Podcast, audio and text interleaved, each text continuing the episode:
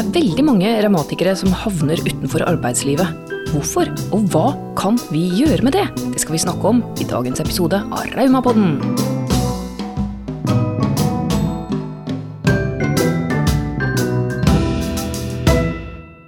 Og velkommen til Raumapodden!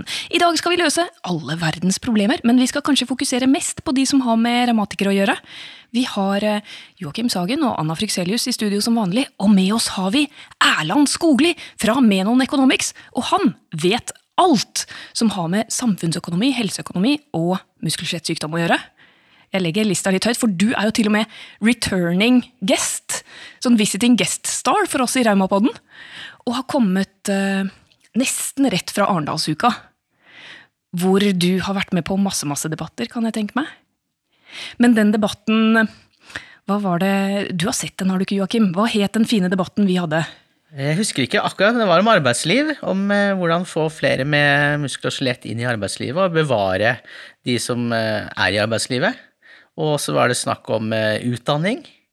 Arbeidsliv og utdanning ja. for folk med kronisk syke, sykdom ja, og funksjonshemming. Og at det var veldig, veldig, veldig, veldig mye penger, da. Det var noen store tall som fløt rundt i, og de store tallene tror jeg du hadde oversikt over, Erland. Det har jeg, vet du. For arbeidsliv og kronisk sykdom, det, ikke sant? det er Det er tema. det var tema, og det var tema overalt. Jeg syns det var tema masse steder jeg, på Arendalsuka. Det var ikke bare vår debatt, eller? Nei, det var det ikke. Det var på fire andre debatter som jeg også deltok i. Fire andre. Ok, Så det er mange folk som vil mene noe om, om kronisk sykdom og inkludering i arbeidslivet. Hva, hva sier de? Ja, nei, de sier vel at dette er jo for ille at det er sånn, at det er så mange som står utenfor arbeidslivet som kunne ha bidratt. eh, Og det er jo dels et helsepolitisk problem og dels et arbeidslivspolitisk problem. Så det er jo sånn sett da debatter som styres både av arbeidslivspolitikere og, og folk som er opptatt av det, og helsefolk og politikere for det feltet. Så dermed så blir det mye på Arendalsuka. Så, så temaet var liksom Det er mange som har lyst til å jobbe, men som ikke kan. Var det det, det som var liksom Det var ikke litt den derre hvordan skal vi presse de kronisk syke menneskene til å, til å jobbe litt hardere? Det var ikke sånne temaer, eller? Nei, det var nok Den ikke har jeg det. også hørt. Det er når Nav møtes på sine årlige fester. Ja, og presse. Jeg har hørt, Det har jo vært veldig mye på radioen. Det er veldig aktivt. Altså, eh, jeg hørte at det har det er flere, Hvordan var det? Det var flere eh, arbeidsledige, men prosentandelen har aldri vært så lav som den er nå. Men betyr kanskje at eh, de med muskel og skjelett er flesteparten av de, eller mange av de. Det var kanskje litt dårlig formulert, men Altså, ikke sant, Prosent av hva, det er jo ofte spørsmål, da. Sånn at eh, prosent av arbeidsstyrken, altså hva er arbeidsstyrken, så er spørsmålet er alle de som har falt helt ut av arbeidslivet. De er kanskje ikke en del av arbeidsstyrken lenger, så da regnes ikke de med. Så det, er, så det prosenttallet det er jo noe man kan diskutere i seg selv. Men ja, arbeidsledigheten blant de som forventes å kunne jobbe, er lavere enn noensinne i Norge. Så vi har egentlig veldig høy arbeidsdeltakelse i Norge. Og da det tallet som, som eh, folk stadig henger seg opp i, og som kommer ut i media, er hvor mange som er uføre, er det ikke det? U så Uførhet er ett tall. Ja. Og så er det, så er det sykefravær. Hva, hva er liksom tallene på det? Ha, ha, sitter du med de i hodet, eller? Ikke sant? Hovedtrekken her, da, kan vi jo, for å gjenta det eh, som, som Bakgrunnen for diskusjonen er jo at som du sier, vi har jo veldig høy arbeidsdeltakelse i Norge. Eh, og som en følge av det, da, så når man prøver å få flest mulig med, så blir det også en del sykefravær eh, av det. da. Eh, fordi det er jo noen som kanskje er litt sånn i randsonen av, av eh, arbeidsføre. Eh, så det må man jo akseptere. Så sånn sett så har vi jo et høyt sykefravær i Norge i forhold til en del andre land. Men som sagt, da må man ta med i betraktningen at det er høy yrkesdeltakelse. Det er langt flere her som For de tallene har jeg sett en eller annen gang i europeisk sammenheng, i hvert fall. At Norge ligger veldig høyt oppe når det kommer til hvor mange som ja, deltar i arbeidslivet. Og så kommer eh, noen fra diverse sider i politikken og sier ja, men vi har så høyt sykefravær, vi har så høye uføretall. Og det henger jo natur, så klart det henger sammen. Hvis du arbeidslinja er at eh, alle skal jobbe, er det ikke det? Er det ikke det som er politikken? Det er vel det som er tanken. Så bare Regnes de som er uføretrygde som arbeidsledige, eller er de på en ordning som sier at de som du snakket om det, at de ikke regnes som? Nei, det er ikke sant? så de som er uføretrygdet, de er jo da utenfor arbeidsstyrken. Ja. Hvor mange er det i Norge nå? Ja, det er ganske mange. Det har jeg ikke nøyaktig tall på. Men altså, det er også da La oss si bare sånn for, så for bakgrunnen for vi skal snakke om, så er det liksom to uh, viktige ting her da, som du nevner. Altså sykefravær og uføretrygd. og det er klart det er høyt sykefravær, og så er det også en høy andel på uføretrygd. og det de på uføretrygd er jo også til viss grad da, eh, nettopp igjen da, pga. at eh, norsk arbeidsliv er Det er to ting. Det er norsk, arbeidsliv er krevende eh, fordi det er, man forventer høy produktivitet eh, i verdens dyreste land. Og så samtidig så har vi høy arbeidsinkludering eller høy arbeidsdeltakelse. Så de to tingene de fører jo da til henholdsvis høyt sykefravær og, og ganske mye uførhet. Fordi, og også yngre uføre, ikke sant? fordi at det bare kommer ikke inn i et så vanskelig Terskelen er arbeidsliv. høy, ikke sant? for det investeringen for en arbeidsgiver eh, å ta på seg en funksjonshemmet arbeidstaker er jo også skummelt. Det får vi jo ofte spørsmål om her. Skal jeg være ærlig om funksjonshemmingen min, om sykdommen min når jeg søker jobb? Mm. Det føles jo best for den som er kronisk syk å være ærlig, men eh, det kan skyte deg i foten eller et eller annet sted i arbeidsansettelsen, i hvert fall. Ja, jeg tenker altså hvor viktig det er å komme inn i arbeid tidlig, for at stønader og alt baserer seg jo på tidligere inntekt. Ikke sant? Og hvis du ikke har hatt en tidligere inntekt, så vet ikke jeg hva som eh, skjer med økonomien resten av livet da. Ja, og de tallene der, før vi hopper inn i samfunnsøkonomien, så syns jeg vi må snakke om privatøkonomien. For vi, vi vet jo at det er mange unge, som du sier, som ikke kommer inn. Eh, Du har jobbet lenge i Burg, Joakim, og, og, og kjenner ungdom med revmatisk sykdom. Og da står man jo i det derre regnestykket sånn Ok, jeg har studert, jeg klarer, har så vidt klart å komme gjennom enten å gjennomføre videregående, kanskje gjennomføre et studie, så skal prøve seg i arbeidslivet, eller så skal du søke AAP. ikke sant? Og hvis du kommer inn på AAP på laveste Du, får jo bare laveste sats når du er ung. Så er det noen, noen få eh, Altså du får noen tusenlapper i måneden, holdt jeg på å si. Om du får 15 000 i måneden eller sånn, da, kanskje utbetalt, hvis du er heldig. Det føles jo som jævlig mye når man er 22 år og ikke sant? Når man er ung. Men det de ikke regner med, de som står i den situasjonen, er liksom det årlige tapet i forhold til sine jevnaldrende. Si at du får, okay, du får 200 000 i årsinntekt, da. Kanskje. Jeg vet ikke hvordan, det er, også unge uføre og alt det der. Men da jeg var ung ufør selv, for en god stund siden, så var det sånn Det føltes som ganske mye penger på det tidspunktet, men det jeg ikke regnet med, var at jeg fikk 200 000 mindre i året til å starte med, og etter hvert så det gapet ble bare større. 300 000-400 000 mindre i året i forhold til mine jevnaldrende. Så over en tiårsperiode, hvis du står utenfor arbeidslivet, så snakker vi da om 2-3-4 millioner som du har tapt ved å ikke prøve. Så vi snakker jo mye om det. Hvordan kan vi også gjennom likepersonstjenesten eh, inspirere flere unge med kronisk sykdom til å prøve seg i arbeidslivet? For dette er privatøkonomien, da, da snakker vi ganske mange millioner. Når du skal ut i boligmarkedet og sånn, da betyr de millionene mye. Men hvordan er det på samfunnsøkonomisk eh, nivå, Erland? Da er det litt eh, høyere tall vi snakker om. Ja, ikke sant. Det er jo en sammenheng, men også forskjell på privatøkonomi og samfunnsøkonomi. Samfunnet består jo av oss individer som er til sammen. Hvor privatøkonomi eh, utgjør samfunns, samfunnsøkonomien på en måte. Men altså Først det du sier med på det å tenke på hvordan inntektene din tidlig i livet vil påvirke situasjonen senere. Så nå, akkurat nå, eh, nesten sagt as we speak, så er det jo eh, en diskusjon på Stortinget om pensjonsordningene. Ja. Og det jeg hørte på radio i morges, er det jo sånn at eh, det er jo eh, sånn at man ønsker å stimulere til arbeid, og at det skal lønne seg å, å jobbe. Sånn at eh, mm, det er klart at det, Og det er jo en spørsmål om vi klarer å ha pensjonsordninger i fremtiden som gjør at eh, hvis man da eventuelt eh, har stått utenfor arbeidslivet hele livet, at man da faktisk har en pensjon som virkelig er til å leve av i, i 2060. Det er jo det som diskuteres nå. Og det er klart det, det er jo noe å tenke på privatøkonomisk også. Uansett hva politikerne måtte komme frem til, så er det ikke til å komme fra at en stadig større del av pensjonen til folk flest kommer fra det du har spart opp selv. Altså gjennom pensjonssparingen din, da. ja. eh, og ikke eh, gjennom fellesskapet. fellesskapet.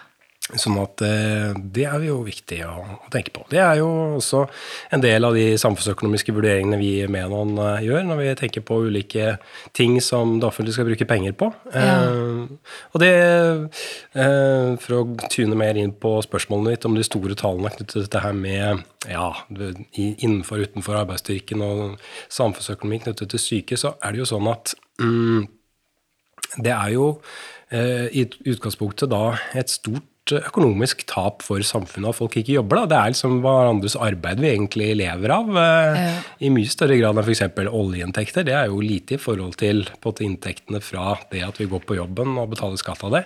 Ja. Eh, Så, så derfor så er det jo i seg selv eh, på at det er stor grunn til å fokusere på at folk skal jobbe. Og det tapet som vi økonomisk som samfunn lider av at folk ikke kan jobbe fordi de er syke, all type sykdom da, Mm. det har eh, Folkehelseinstituttet og noen forskere ved Universitetet i Oslo nylig beregnet eh, og oppdatert eh, tall på, som jeg presenterte på Arendalsuka også. Jeg hadde noen andre tall som vi har tatt utgangspunkt i tidligere, men de var for lave. Okay.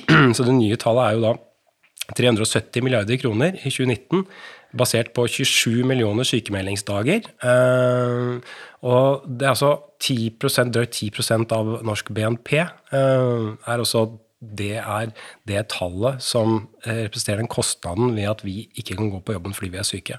Og det er bare sykemelding, det er ikke uførhet, ikke sant? Nei, eller, eh, eller altså, er det begge deler? det er litt, eh, 370 Det er litt, eh, fuckings- litt begge deler, men det er Sånn eh, fantasilionfølelse her. Jeg får Ja. litt sånn derre Ja, fantasilionfølelse. Jeg hørte også på eh, seminaret i da nevnte noe med sammenlignet med, med oljefondet. Ja. Hva var det? Ikke sant? Det, det er litt spennende, fordi at eh, hvis jeg tenker da Jeg hadde to sammenligninger med, med oljefondet og oljeinntektene. Ehm, det ene er at eh, hvis vi da tenker på liksom årlige inntektene som vi som samfunn, eh, og det vil si stat og kommune, får da gjennom, særlig gjennom skatt, da, på, som vi får, eller hadde fått hvis, hvis jeg hadde redusert det til null, da. Det er jo selvfølgelig umulig, men altså, så er det den inntekten den er mye større enn den årlige inntekten fra oljen. Eh, så, Shit, så-. Så, ikke sant? Så, så man ser over tid at liksom, sånn som vi har gjort, da, se på ja, hvor store er oljeinntektene fra år til annet, det kommer Ja, an på alle olje- mye Vi fokus kan bare lene oss på det, liksom. Ja, Ja, jeg trenger ikke jobbe, vi har olje! det varierer jo litt fra år til annet, eh, avhengig av oljeprisen, men sånn i snitt, da, så hvis vi ser på det opp mot snittet for hva vi taper på at folk er syke og ikke går på jobb og ikke betaler skatt, så er det i snitt over tid de siste årene så er det litt høyere eh, tap av inntekt til stat og kommune fra sykefravær enn det er fra oljeinntekter. Så hadde vi liksom fjernet alt sykefraværet, som selvfølgelig ikke er mulig, men så hadde vi da eh, spart like mye penger som vi får fra hele fra, fra Nordsjøen. Altså, så, hvis vi får det, Den mirakelpillen, det er jo den vi trenger. Ja, og så Ja. få det til å bli like mye status eh, å jobbe som, for å få flere inn i arbeid som det er å øke oljefondet, Ja. eh, og ha, at det blir like mye tatt opp i media. Og, så alle sagt- kronikere som kommer, seg, som kommer seg inn i arbeidslivet, eller står i arbeidslivet, de burde få gullmedalje hvert år. Ja, Det er jo liksom sånn OL i, i arbeidsliv for kronikere, så det Mm. føles jo som det. Jeg har jobbet lenge i Norsk Grammatikerforbund, og jeg har vært med på å se et langsomt eh, taktskifte. For at du snakket også om eh, de som er utenfor, og de som er i. Men vi ser jo mye mer at de ønsker mer fleksibilitet. Også i Norsk Grammatikerforbund så snakker vi eh, ikke om tilbake i arbeid, men bevare rettighetene man hadde utenfor eh, arbeid. Men jeg må liksom tenke to tanker i hodet samtidig. Ja. Og så er det flere som ønsker å jobbe så mye man kan. Ja, og Det er så mange gode grunner til å prøve å jobbe, men så, før så hadde det jo vært sånn at det straffet seg. Ja. Altså Hvis du som kronisk syk prøvde å jobbe, så risikerte du å virkelig havne med skjegget i postkassa ved at du ble kuttet av fra alle sikkerhetsløsninger, og så klarte du ikke stå i jobb, så det ble liksom dobbel fail. da. Det var, det var farlig, rett og slett, Ja, å lyst- prøve å jobbe. Så lysten for eh, medlemmene våre og personer med revmatisk sykdom er der, men eh, eh, tilpasningen er der ikke. Ikke fordi sant? at eh, det tar ikke hensyn til en fleksibel eh, løsning. Da. Enten er du syk, eller så er du frisk. Jeg bare har et personlig eksempel. Jobbet eh, eh, 50% og så ville jeg jobbe 70 eh, Men da mistet jeg plutselig 50 stønad, for at da må du være kun bare maks jobbe 50% Enten eller. Du får, Enten eller. være, du får ikke lov å være syk og så prøve å jobbe mer. Så det er bare et eksempel, og der mener jeg samfunnet henger fortsatt mye etter, da. Og, ja, og da, da, da begynner det å handle også om den eh, manglende forståelse for realiteten av kronisk sykdom, tror jeg, som det virker som veldig mange av disse byråkratene som sitter og, og holder på med disse tallene, og ikke minst politikerne, de skjønner jo ikke hva de snakker om når de snakker om inkludering i arbeidslivet. Eh, det, var, det var i hvert fall min følelse. Jeg hørte på debatten deres eh, Jeg kunne jo ikke komme meg dit, for jeg er funksjonshemmet. Det var litt vanskelig å reise til eh, Arendal som funksjonshemmet. Det er en av tingene vi syns er litt spennende. Men jeg hørte på det på nett, og da hun politikeren hun snakka lenge. Hva, klarte du å få med deg Var det Tuva i Arbeiderpartiet? Jeg klarte å få med meg essensen i det. Det er at eh et inkluderende arbeidsliv det er et satsingsområde, og det er en høy eh, prioritering. Og målet er å få alle i arbeid. Alle skal i arbeid! Og så var det et spørsmål eh, ja, hva slags konkrete tiltak har dere? Nei, det har vi ikke. Vi har ingen konkrete tiltak. Alle skal jobbe, men da, vi vet ikke hvordan. Da har jeg et forslag eh, til å starte med. Da. Det er å eh, spørre eh, brukere av arbeidslivet og sykemeldinger eh, hva er det dere ønsker? Vent litt, nei, nei, nei. Eh, spol tilbake. spol tilbake. Mener du, mener du at politikerne skal høre på funksjonshemmede? Jeg tenker at Det kan være en god start, i hvert fall. Men ærlig talt, vi, de kan jo ikke gjøre det. Vi er jo funksjonshemmede. Eh, ja. ja, altså, jeg, jeg, jeg, ler, men jeg gråter. Vi skal, eh, vi skal snakke litt mer om eh, ableisme og funksjonssjåvinisme også i dag. For det, dette er helt sånn klassisk funksjonssjåvinisme, syns jeg. da. At det er sånn ovenfra og ned-holdninger. Og, og, det er så rart også, for mange av disse politikerne de har jo også erfaring med kronisk sykdom, eller noen i familien som har kronisk sykdom, men det er som man ikke kobler. da. At eh, det å kombinere arbeidsliv med kronisk sykdom, det medfører ekstra belastning i hverdagen, selvfølgelig. Ekstra risiko, økonomisk risiko. Og, og, de ordningene er rett og slett utforma fra et sånt uh, friskefokus som ikke er virkeligheten. Mm. Fordi de ikke hører på de funksjonshemmede. Og det jeg syns var så interessant, òg, at du eh, presenterte tall, så er det også eh, en sum som handler om tap av livskvalitet og gode leveår. Er det knyttet opp mot arbeid også, eller? Ja, ikke sant. Eh, det er det til en viss grad. Altså, igjen da, så er det liksom, litt morsomt å se hvordan ting telles ulikt avhengig av hvilken sektor eh, du er i. Altså, helsesektoren så er det jo veldig nøye da på at eh, eh tap av livskvalitet skal være relatert til helse utelukkende. Eh, og eh, som arbeid og annen, altså livskvalitet knyttet til livet ellers, det er en annen skål. Oh, ja.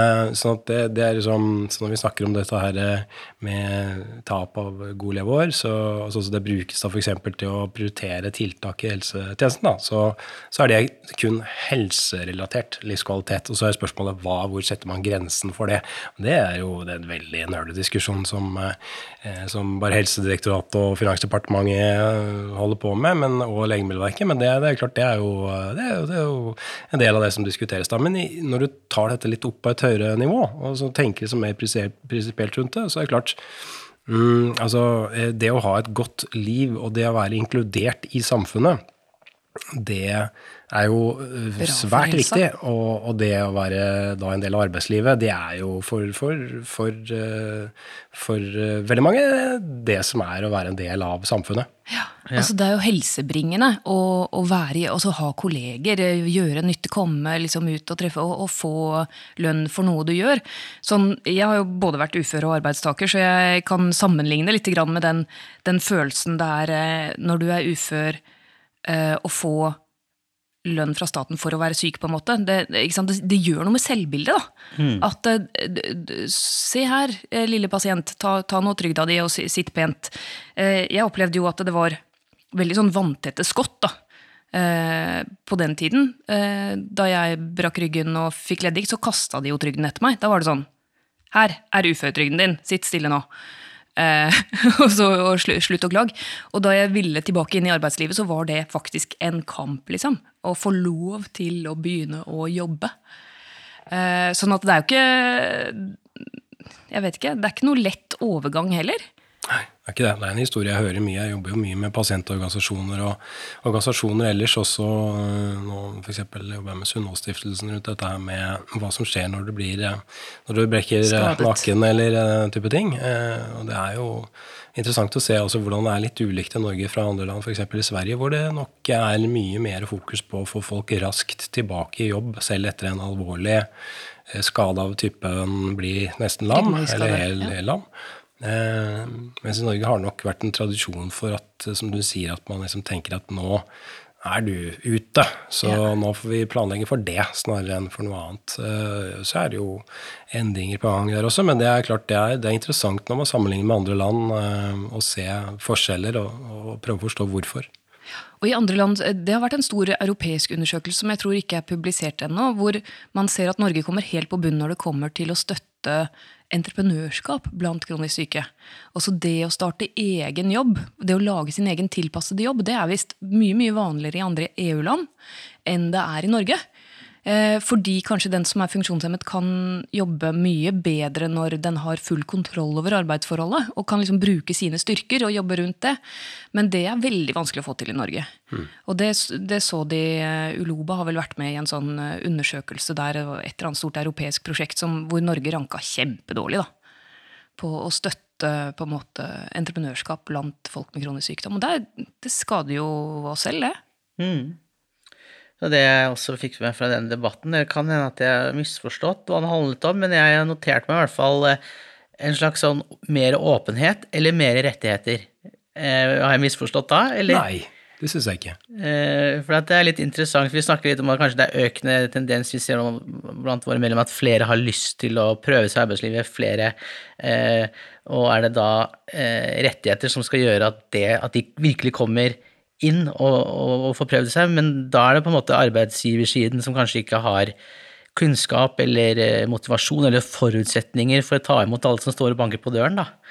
Så har har du gjort, gjort noen tanker på det, eller? Ja, det er jo litt eh, push, push og pull, for å si det på nynorsk. Så det er klart det er eh, Det å kvalifisere arbeidsgivere til å kunne ta imot er jo også en viktig del av dette, som, som Nav igjen i stor grad eh, har et ansvar for, men så også veldig mange ulike ideelle eh, og ikke-offentlige aktører jobber med. Så det, det er jo et stort felt i Norge som er arbeids- og inkluderingsvirksomheter, som også har som oppgave primært å ta imot folk som ikke er 100 klare for eh, jobb i ordinært norsk arbeidsliv, og få de kvalifisert. Det er jo et, også et kjempeviktig eh, tiltak her, ikke bare det å tenke på at man skal eh, skal vi si, eh, sørge for å gi eh, folk som står utenfor arbeidslivet, insentiv til å, til å gjøre det, eller på en legge til rette for dem, men også at mottaksapparatet er der. Er det det som heter, eller hette før, attføringsbedrifter? Ikke sant? Ja. Men da får jeg litt sånn vond smak i munnen, egentlig, fordi at eh, personer med en revmatisk sykdom eh, Sykdommen definerer ikke personen. Det er en styrke. Man har veldig mange andre egenskaper. Eh, så tiltaksplasser og særbedrifter Ikke sant? eh, Det høres så Ja. fint ut på papiret, Nei, men hvis jeg skulle ja. vært ansett eh, et sted, så hadde jeg følt at jeg var der eh, ikke fordi at jeg var eh, kompetent nok, Ikke sant? hvis du skjønner?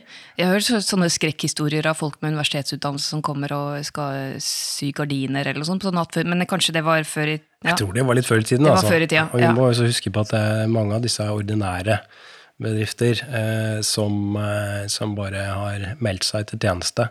Eh, som har dette som en del av eh, sitt eh, hva si, eh, av hvorfor det eksisterer, og hvilken profil de vil ha. Det er mer enn bare å, å selge eh, klær, som f.eks. Stormberg. Stormberg, ja. Inkluderende arbeidsliv. Sånn foregangsfigurer, holdt jeg på å si. Absolutt. Så i tillegg er de en del av et offentlig tiltak også, og får, får noe for det. Men, eh, men ikke minst så er det en del av den virksomheten som de driver, og en del av DNA-et i, i organisasjonen. Sånn er vi. Vi skal inkludere alle, vi skal legge til rette for at alle skal kunne jobbe her uten at det er noe spesielt. Og så har det jo også eh, de siste årene kommet mange virksomheter som prøver å gjøre et eh, positivt poeng ut av dette ved f.eks. da eh, å, å dra ned både fordommer og skal vi si ja, utfordringer i måten man ser dette på. Vil si at vi, vi, vi ansetter primært folk med Aspergers syndrom, f.eks. Ja. Den type ting. Og vi er jo, det går veldig bra. De er skikkelig gode på de tingene som vi gjør her, og det er vi stolt av. Og dette er ikke noe, dette er ikke noe, dette er ikke noe annenrangs. Ja. Ikke sant. Jeg, jeg opplever jo det når jeg nylig er blitt eh, mer eh, rullestolsbruker, og hvordan folk ser så annerledes på deg når du kommer trillende, når du kommer gående. Så eh, jeg opplevde det i hvert fall som at min eh, 12 år med høyere utdanning, 30 år med erfaring. Det liksom forsvant ut døra da jeg kom trillende i rullestolen. Det var sjokkerende å møte virkeligheten eh, i rullestol. Eneste forskjellen er at jeg er ærligere, på en måte. Jeg har alltid slitt med å gå etter at jeg brakk ryggen, men, men nå syns det. Og da plutselig så, ja, da blir du annenrangs arbeidstaker. Nå, nå, å ja, nå plasserer vi deg i den special, eh, spesialklassen som, som trenger eh, tilrettelegging. Da kan du få disse oppgavene og holde deg på denne fine lille plassen. Men det, der trengs det jo holdningsendringer, tenker jeg da. At, eh, ja, og, og, informasjon og utdanning, da. Og vise fram gode eksempler. Det var en stund siden nå hvor det var gjort forskning på eh, unge med revmatisk sykdom, spesielt unge jenter, at de tok høyere utdannelse enn eh, en andre. Mm. Og, eh, vi må jo fordi, kompensere med hjernene våre for det kroppen ikke klarer. ja. Så tørre å ta sjansen, og så vise at man er reflektert. Eh, bare et eksempel for eksempel på utvidet kunnskap. Da. Jeg skal ikke skryte for mye, da, men jeg var en av de første som min funksjonshemmede som fikk studere på Norges idrettshøgskole når det var opptakskrav. De har slutta med det nå, da. Sånn, da. Men mm, da var veldig, mange av de som var der, veldig opptatt av å være best og konkurrere og var tidligere toppidrettsutøvere, på en måte. Mens jeg hadde mer det helsefokuset og eh, hvordan eh, på en måte fungere best mulig når du ikke var best. Ja. Det var en ny måte å tenke på der oppe, kanskje, på idrettshøyskolen, eller? Ja, for, ja, det var jo det. Det var jo det akkurat. Som å ta med seg en tilleggskompetanse som er gull verdt når man skal ut i den normale verden. Da. Det er jo en tilleggskompetanse. Hvor ikke alle er toppidrettsutøvere. Ja, Det er det kanskje som du, du snakker om der med de, de, som gjerne vil rekruttere folk med asperger. For jeg mener jo også at muskel- og skjelettsykdom er en tilleggskompetanse. Mm. Men det, det, ser ikke sånn ut når man hører på de, eller det høres ikke sånn ut når man hører på de politiske debattene. da. Mm. Nei, kanskje ikke det. Men det er i hvert fall helt sikkert at vi jo lever i et uh, samfunn i dag hvor vi ikke jobbene består så mye av kroppsarbeid lenger. sånn at uh, det er jo hjernen vår vi, vi, lever av, stort sett. sånn at uh, det bidrar jo kanskje tross alt til å jevne ting litt, litt ut. selv om det fortsatt er vanskelig for deg å komme deg til Arendalsuka, hvor du skulle kunne brukt hjernen din. Ja. Ikke sant? Også, eh, pandemien syns jeg var kjempespennende i så måte. Mm. For da, da, da fjernet man alle de hindrene. Man fjernet alle de eh, fysisk transport- og oppmøtehindrene, og så var vi alle like foran Teams, eh, foran datamaskinene våre en periode. Og så når liksom verden startet opp igjen, og alle de friske som kan gå rundt bare yeah, endelig kan jeg gå på konsert, og endelig, så kjente jeg en sånn derre jeg vil ikke si sorg, da, men i hvert fall en sånn der synkende følelse av bare shit, nå blir funksjonshemmingen min mer merkbar igjen. For den hadde ikke vært merkbar når alle satt foran datamaskinen. Men det er jo mange, det kan være så positivt med koronaen at mange har akseptert mer hjemmekontor nå. Jeg tenker Hybride løsninger. Gruppe, hybride løsninger med fleksibilitet, og det er akkurat det vår eh, gruppe trenger. Det er mer fleksibilitet. Eh, også, det var også nevnt på debatten kanskje at man har eh, mer oppgavelevering enn tid, på en måte. Du skal være her hver dag. Eller istedenfor ja. å si du skal levere denne oppgaven. Ikke telle timer, men telle oppgaver, timer, men telle... og kvalitet kanskje på oppgavene, da. Ja, ikke ja. sant. At man bare, Og det er det jo mer generelt òg, har jeg inntrykk av, da. Absolutt. I den bransjen som jeg jobber i, så er jo det, det, er jo det som er regelen nå. Altså, mm. Så det er klart, og det er jo mange av de store konsulentselskapene som jo har uh, snudd helt rundt. Altså det er helt uh, uvesentlig hvor du befinner deg fysisk. Uh, poenget er at du, du, gjør jobben, og du kan gjøre den innenfor de tidsrammene som er satt for hele prosjektet, og det vil si stor fleksibilitet i forhold til når du jobber på døgnet osv. Så, videre. mm. så det er jo skjedd store endringer der, og det er jo også mange flere enn bare funksjonshemmede som har opplevd at um, den endringen som pandemien har skapt, Eh, i arbeidslivet er positiv. For det er mange som kan ha ulike utfordringer med mm. å stille opp på kontoret hver dag til et gitt tidspunkt og sitte der som du skulle vært på en, på en fabrikk, på en måte. Men med samlebånd, ja. ja. Så, så det, det, det, er nok kanskje en eh, så vi får håpe at det var en forbedring, forandring til det bedre med en pandemi som ellers eh, kostet oss 233 milliarder kroner eh, i eh, ulike tiltak for å forhindre at for mange gode leveår gikk tapt som følge av pandemien. Som jo er et Kan reklamere for en, en liten en sånn sak som, eh, som er skrevet i, i, bladet Stat og styring i dag, som handler om litt av det temaet som vi diskuterer i dag. Mm, prioritering i helsesektoren, hvor eh, jeg starter med å si at um, det, er, det virker som vi fortsatt, eh, hvis vi vil, kan spandere ganske mye penger på helsetiltak. Eh, fordi at eh, Det har i hvert fall pandemien vist oss at hele Ja, vi kan samfunnet hvis vi vil. Vi kan hvis vi vil. Så Koronakommisjonen eh, gjorde vurderinger av alle disse tiltakene og har liksom i all hovedsak konkludert med at det var riktig prioritering. Jeg syns det for, for, for, for, fortjener kanskje litt mer oppmerksomhet at vi som samfunn valgte å bruke sannsynligvis mye mer, men altså ifølge beregninger av eh, i siste statsbudsjett eller nasjonalbudsjettet over 230 milliarder kroner på dette her. Og det, så, så, kan man selvfølgelig det så snu litt rundt på det og, og si at mm, ok, ja, det viser jo hvor viktig det er med å ha gode og åpne diskusjoner om prioritering av ulike tiltak overfor uh, pasienter uh, i Norge. fordi at 233 milliarder kroner, det, det kunne gjort Det kunne gjort litt uh, forskjell her og der, ja. kan man si. Ikke sant? Jeg vet ikke hva, hva er det sykehusene og sånn koster for tida? Eh, Ikke sant? Det er jo. Sykehusbudsjettet er jo det der omkring, kanskje. Ja. Totale totale helsetjenesten er sånn nå eh, ja, rundt 400 milliarder, altså over 400 milliarder i, i året nå, tenker jeg. De siste, siste tallene fra, på SSB har ikke kommet ennå. Men eh, så det er klart at Eh, så det er jo selvfølgelig, men det, det var jo da det vi brukte i de ja, drøyt to årene eh, pandemien eh, pågikk. Men som sagt, det er jo litt eh, Det er nok mye dette ikke, ikke inkluderer også.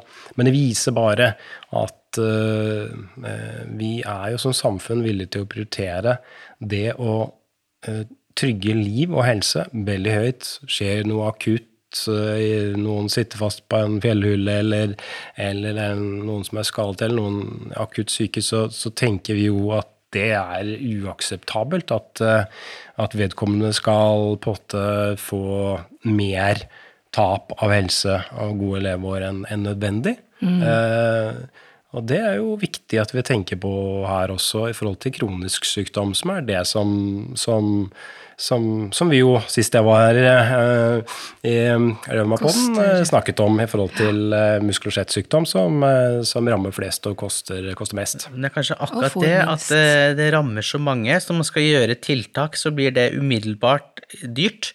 Og den, langs, den gevinsten blir veldig langt framme. Eh, For det er jo mye debatter nå om at sykepleiere kunne ha råd til én av hundre leiligheter, og at alle må ha høyere lønn, og lik lønn som andre. Men det er jo det at det er så mange sykepleiere, så hvis alle skal få høyere lønn, så blir det så veldig, veldig dyrt. Og det er jo sånn det er kanskje argumentet til politikerne også, da. Det kan De være ser ikke de langsikt, denne langsiktige vinningen, og det er veldig bra med deg. At, du, at, dere, at, dere ser, at dere ser helheten, da. Ja, Da burde det jo gå an å eh, hva skal man si, segmentere den store gruppen med muskel- og skjelettlidelser. For det, det, det er- det er snakk om mange personer som havner utenfor arbeidslivet med muskelskjelett. og nå husker jeg ikke tallene, men eh, det er en million eller noe sånt, har vi i hvert fall snakket om før. Som, ikke som havner utenfor, men som, som lever med det, da, og at det påvirker dem. på en måte.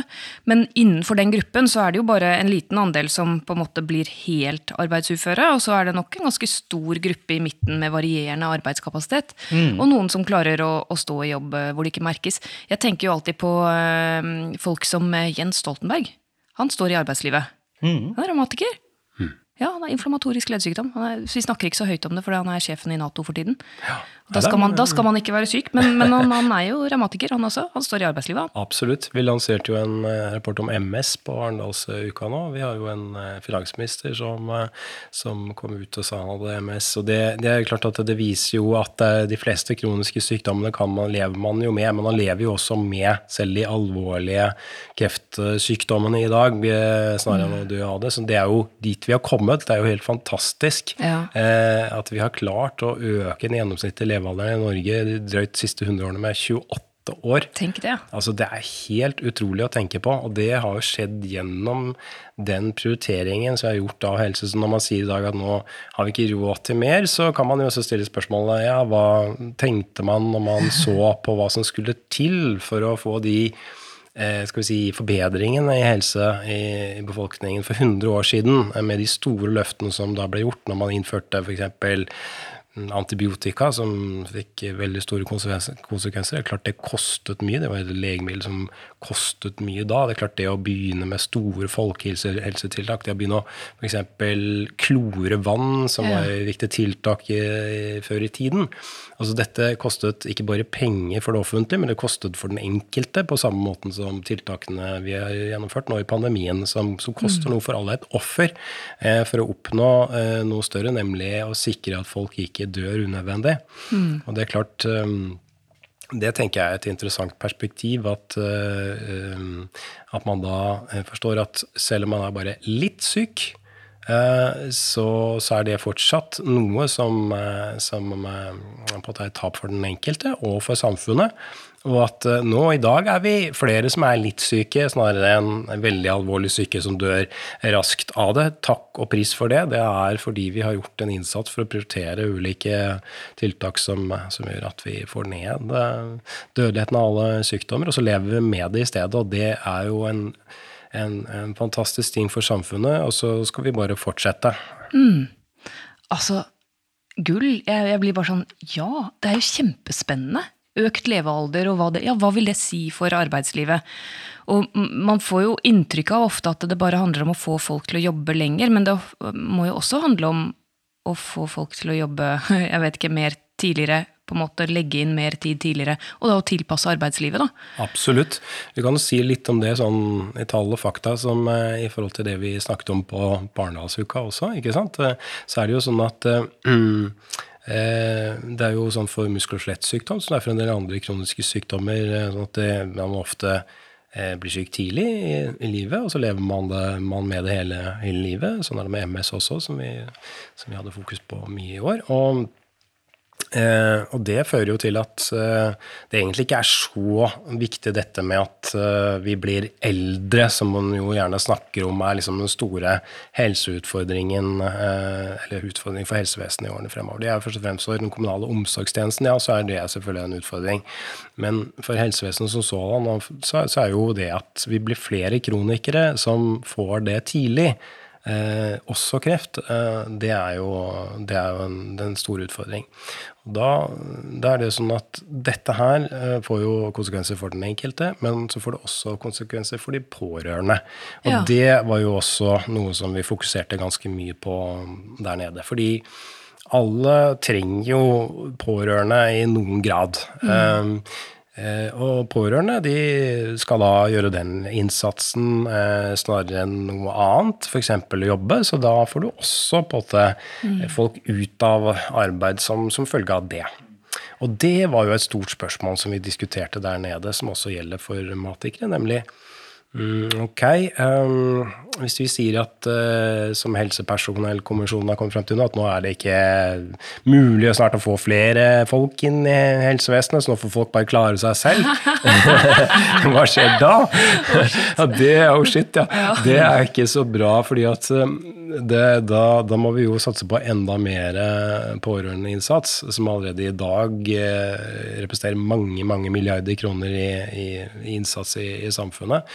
Um, og et tall der som, eh, som er interessant å, å, se på i forhold til med oljefondet, som du nevnte, da, det, er at, eh, det var faktisk Jens Stoltenberg apropos, som, som, kom, som, kom, ut med dette for noen år siden, da han var statsminister, som sa at um, verdien av økt arbeidsinnsats fra kvinner som har kommet inn i arbeidslivet fra 1970 og frem til i dag, er da akkurat like stor som den totale verdien av, uh, av oljefondet, eller altså av alt vi har tjent på oljen. Yikes.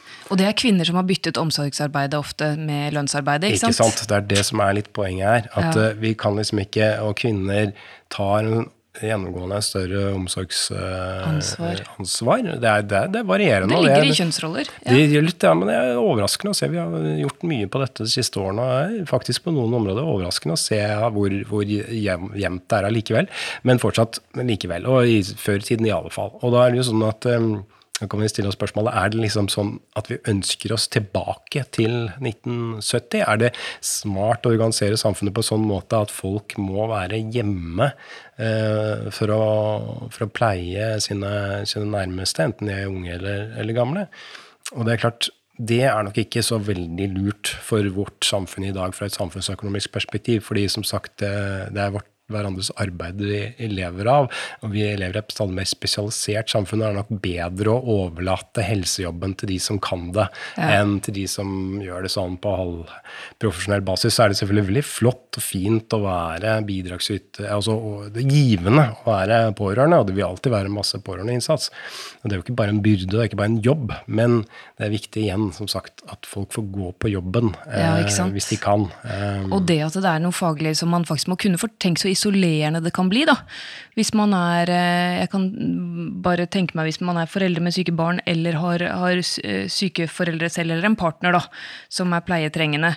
Og hvis du skal liksom løse det selv, uten så mye helsefaglig bistand, så blir jo begge de personene, altså på en måte den som er syk og den pårørende, blir veldig isolert i samfunnet. Kanskje, Og hva betyr det for psykisk helse? Hva betyr det for, eh, for ja, samfunnsøkonomien og, og Mm. Tenk om sykehuset kunne tilrettelagt sånn at flere med muskel og skjelett kunne jobbet innenfor helse, for at det er den samme overføringsverdien og merkunnskapen som jeg fikk på NIH, at man skjønner, kanskje har en økt forståelse for hvordan det er å være syk og altså, ha en sykdom. Vi er jo mestringskonsulenter. Vi, ja. kan, vi, kan, lære ut, De snakker jo hele tiden om mestring.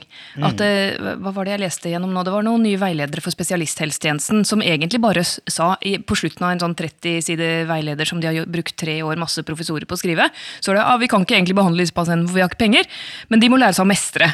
Og det ble sånn, ah, Dritkult at 30 professorer har sittet og skrevet det her dokumentet. Hvem er det som skal hjelpe dem å mestre, da? Det er i hvert fall ikke de professorene. Vi ser jo det hvor populær likepersonstjenesten er. for at nå blir det fortere og fortere på sykehus, kortere og kortere tid, og så har de mange spørsmål, og så er det jo våre erfaringseksperter som ja.